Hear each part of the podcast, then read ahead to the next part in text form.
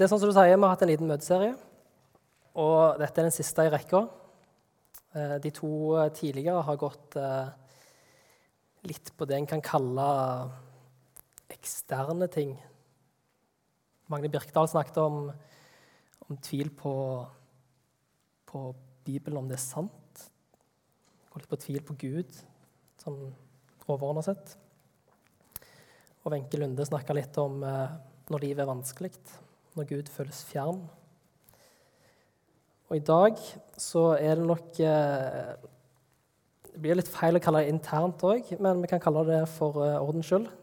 Det skal gå litt på en sjøl, og tror jeg nok. Eh, det går på det en gjerne kan kalle frelsesvisshet. Og så er vi et eh, fellesskap med utrolig mange forskjellige mennesker som har, står i forskjellige ting. Uh, og Det er ikke sikkert at du har kjent på den tvilen som Magne snakker om. Det er ikke sikkert du har følt at Gud kjentes fjern. Det kan være du har full styring på dette med frelsesvisshet òg. Eh, men så håper jeg at uh, de som har stått i noe av dette, sitter igjen med noe og kjenner seg trygge i trua. Og så tror jeg òg at Guds ord er levende, og at eh, det er noe vi kan ta med oss til videre i livet. Kanskje det kan bli noe som kan minne oss på noe vi, hvis vi kommer opp i noe seinere. Um, ehm, ja. Jeg vil bare be litt videre før jeg fortsetter. Kjære far, takk for et nytt møte med deg. Takk for at uh, du er her sammen med oss nå. Jeg ber om at du må du må åpne hjertene våre og tale til oss. Hjelp oss til å forstå det ditt ord sier om dette med frelsesvisshet. Jeg legger hele den talen, jeg legger resten av møtet i dine hender. Amen.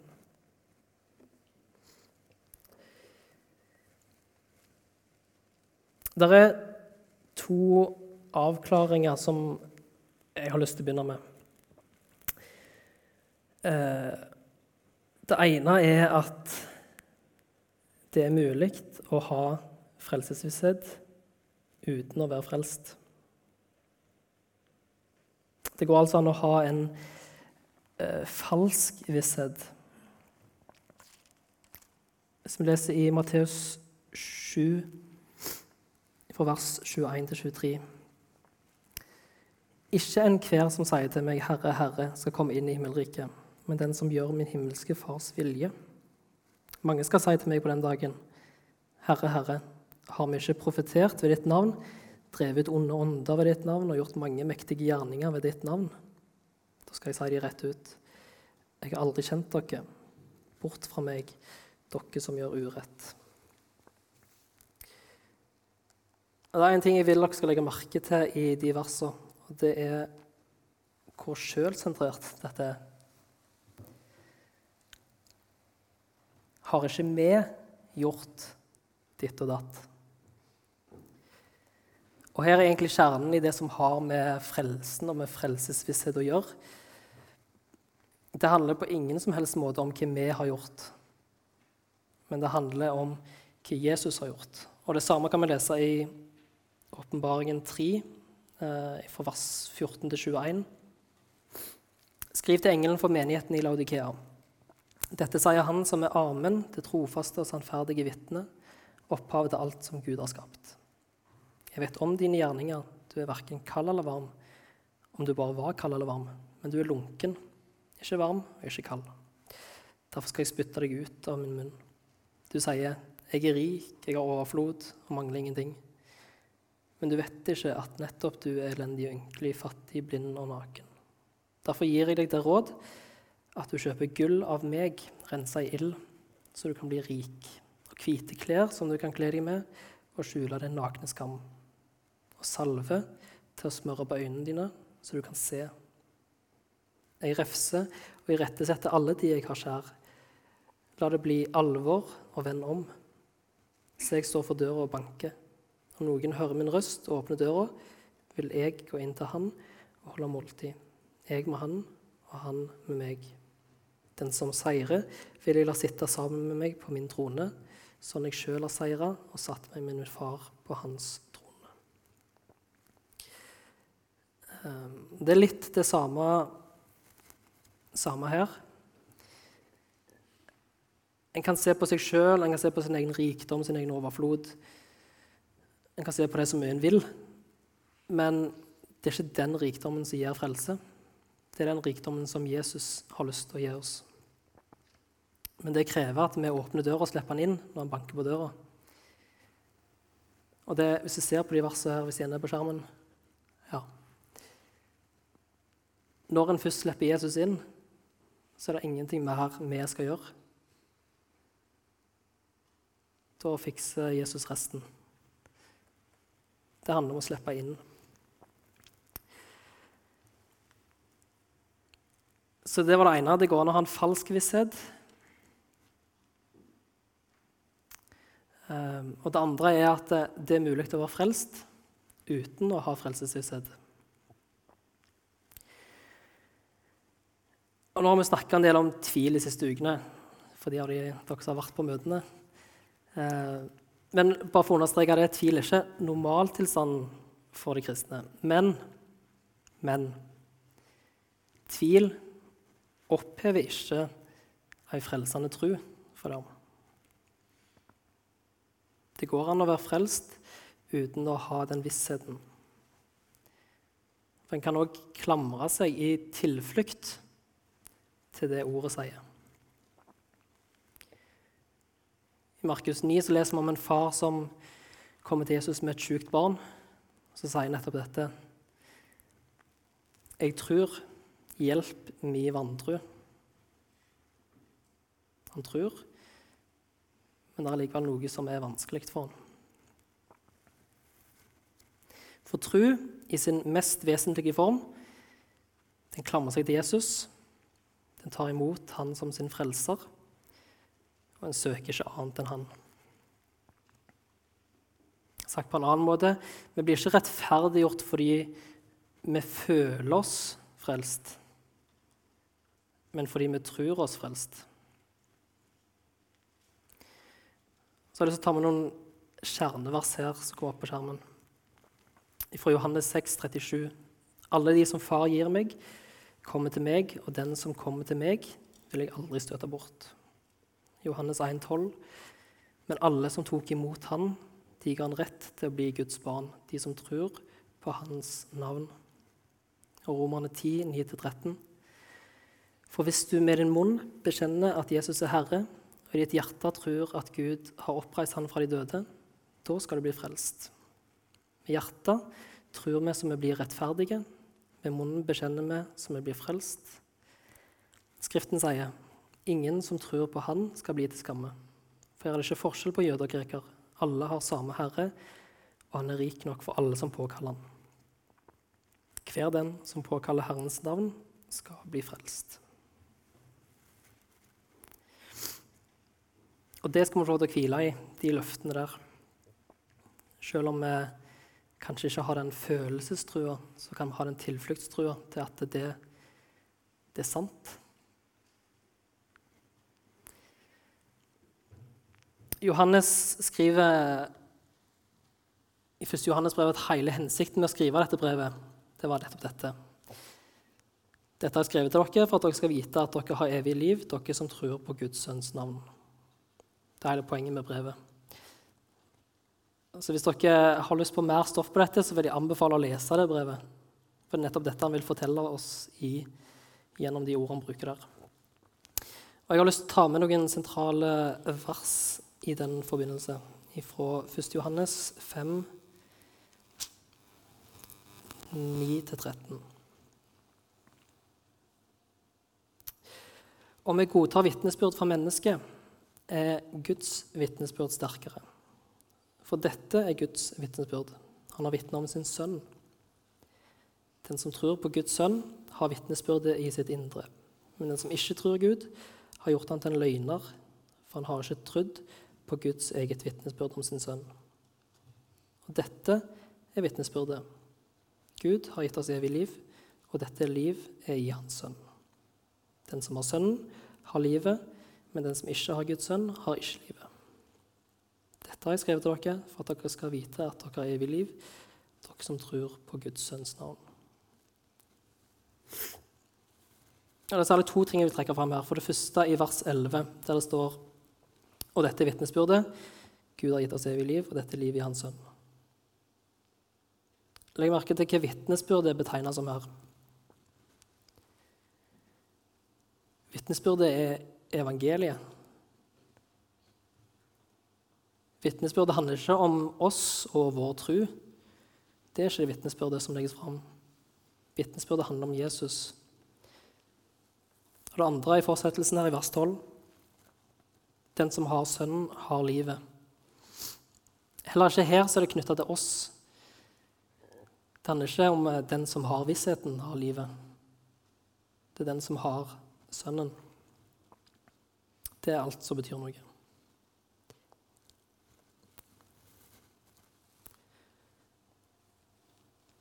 Jeg har tenkt litt på en sang i forbindelse med den talen. En sang som eh, ikke synger så fryktelig mye. Jeg tror jeg har sunget den én gang sjøl, kanskje. Eh, det blir ikke så mye brukt i Salem. Eh, men den har en fantastisk tekst som jeg har lyst til å trekke fram. Den heter 'I syndsforlatelsens rike'. Jeg skal bare lese de fire første versene der. I syndsforlatelsens rike, fortapte synderes hvilested. Der Gud med slekta har slutta fred, der Satans makter må vike. Vår synd er sona, vår gjeld er betalt, med Jesu blod som har utsletta alt. Og lovens krav, de må vike i syndsforlatelsens rike. Rettferdiggjørelsens rike, der alt er oppfylt, hvert krav, hvert bud. Hva ingen makta, det gjorde Gud, og innenfor ham er vi like. Fortapte, ingenting i oss er godt, men tenk, vi har evangeliet fått, og nåden gjelder for slike i syndsforlatelsens rike. I syndsforlatelsens verden der alt er sona og tilgitt, glemt, og på den dypeste havbunn gjemt, med kurs for himmelen går ferden. En ny begynnelse fins for enhver som sier allting til Gud som det er. Han er velkommen blant slike i syndsforlatelsens rike. Kanskje det mest sentrale verset fra i dag. Et evig liv jeg nå eier. Tenk, Jesus taler for Gud min sak. Jeg glemmer alt det som ligger bak, i kraft av korsdødens seier. Min frelse bygges på Golgatas verk og troen, om den er svak eller sterk og følelser er forsvunnet. På Jesus troen er grunnet. Nå skal jeg hente tørkepapir til meg. Jeg er litt snufsen i dag.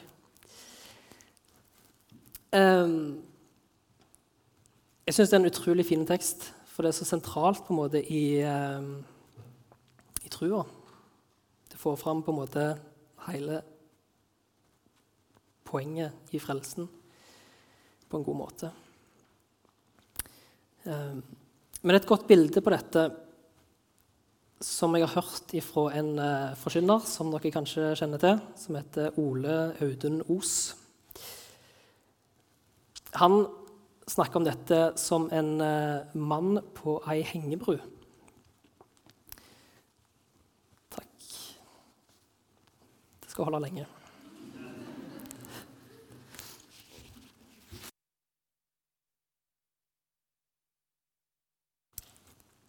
En mann på ei hengebru, ja. Jeg ser for meg en sånn uh, Indiana Jones-aktig type med sånn tropehjelm og sånn fine bukser som går midt på kne eh, som er langt inne i Amazonas. Kommer fram til ei sånn kløft som går sånn La seg 100 meter rett ned. Eneste veien over kløfta er ei hengebru. Så han må jo over der, da. Men når han står utpå der, hva er det denne mannen trenger å bli trygg på? Er det sitt eget indre liv? At det, altså, så lenge jeg tror nok at denne brua holder, så går det sikkert fint? Er det sin egen trygghet, eller trenger han faktisk å bli trygg på at brua bærer? Han trenger jo selvfølgelig en trygghet på at brua vil bære han. Det er det som vil hjelpe han. Hvis han kunne sitte en sånn plakett midt på brua med at eh, denne brua er testa til så og så mange kilo, så vil jo det gi en uh, trygghet for han, vil jeg tro. Uh, jeg tror ikke han først og fremst trenger en psykolog som kan hjelpe han med dette med høydeskrekk og panikkanfall. og sånne ting. Det, det, er ikke det han først og fremst trenger. Han trenger en trygghet i at brua vil bære han. Og Sånn er det òg i vårt trosliv. Vi trenger trygghet på grunnlaget for trua vår. Og vi må bygge på dette grunnlaget. Vi må ikke bygge på oss sjøl. Og brua, som bildet snakker om her, er ei bru som vil bære oss over fortapelsens avgrunn og til himmelen ved Jesus.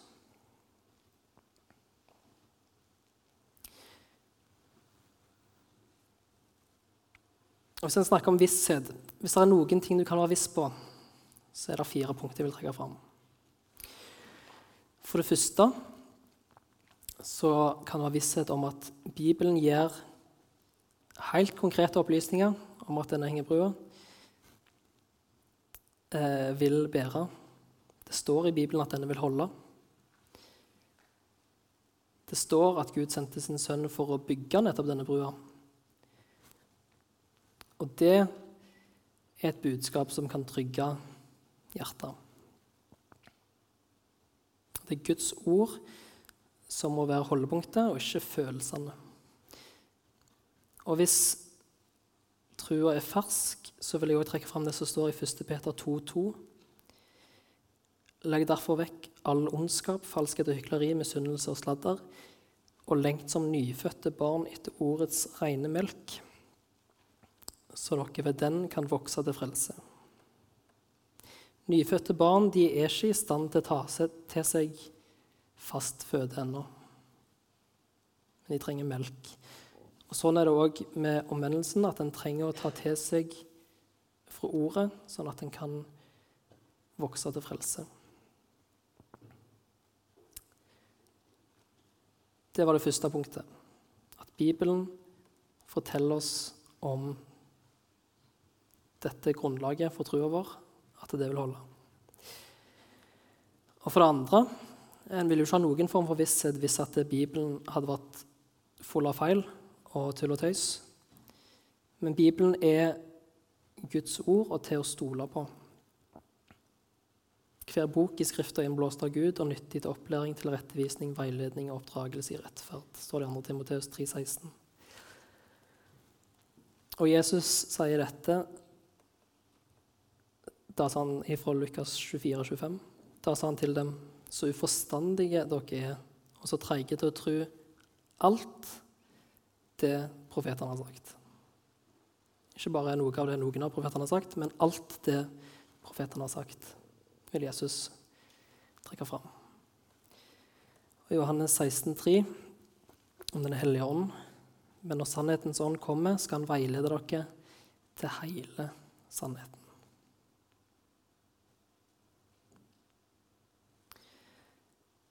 Det tredje er en visshet om at eh, du er en synder. Hver og en av oss har sjekka av alle boksene på dette skjemaet som gjør oss kvalifisert til å gå fortapt. Og Det forteller Bibelen oss gjennom loven. Den som lærer deg at du er en synder. Og Dette er òg en av Ånden sin oppgave å vise deg gjennom Bibelen. Ytre sett kan en jo leve etter loven hvis en er skikkelig, skikkelig god. Men Gud krever et rent hjerte. Og det er det bare Jesus kan gi deg. Og dette er evangeliet. Evangeliet som flytter lyskasteren vekk ifra deg sjøl og på korset. Evangeliet handler ikke om hva du skal få til, hva du skal gjøre. Det handler om at du skal få høre, at du skal få tro at Jesus har gjort alt det du skulle ha gjort. I Efeserne 2, 8-9 så står det For av nåde er dere frelst ved tro. Det er ikke deres eget verk, men Guds gave. Det hviler ikke på gjerninger for at ingen skal skryte av seg sjøl. Og i Galaterne 2, 16 Men vi vet at ikke noe menneske blir rettferdig for Gud ved gjerninger som loven krever, bare ved trua på Jesus Kristus. Derfor satte vi òg vår lit til Kristus Jesus, som vi skulle bli kjent rettferdige ved trua på Kristus og ikke ved lovgjerninger. For ikke noe menneske blir rettferdig ved lovgjerninger. For å ta et annet bilde, da. Hvis du er ute på sjøen i et litt større skip, og du har behov for å ankre fast, da har du to valg med et ankeret. Du kan kaste det i sjøen, eller du kan kaste det midt på dekk. Jeg tror ikke jeg trenger å forklare hva som er det lureste. Det er ett som, et som er mer effektivt enn andre for å få feste. Og sånn er det for oss òg, at det hjelper ikke for oss å ankre fast i vår egen tro vår, oss sjøl, men vi må ankre fast i grunnlaget for trua, i Jesus. Og Den siste tingen å være sikker på, er at dette klarer du ikke sjøl. Heldigvis så har vi fått Den hellige ånd, og Den hellige ånds oppgave å lede oss i dette og åpenbare ordet for oss vise oss hvordan vi står i vårt forhold til Gud, og vise deg evangeliet. Helt til slutt så har jeg lyst til å avslutte med å lese Romerne 5, vers 1-11.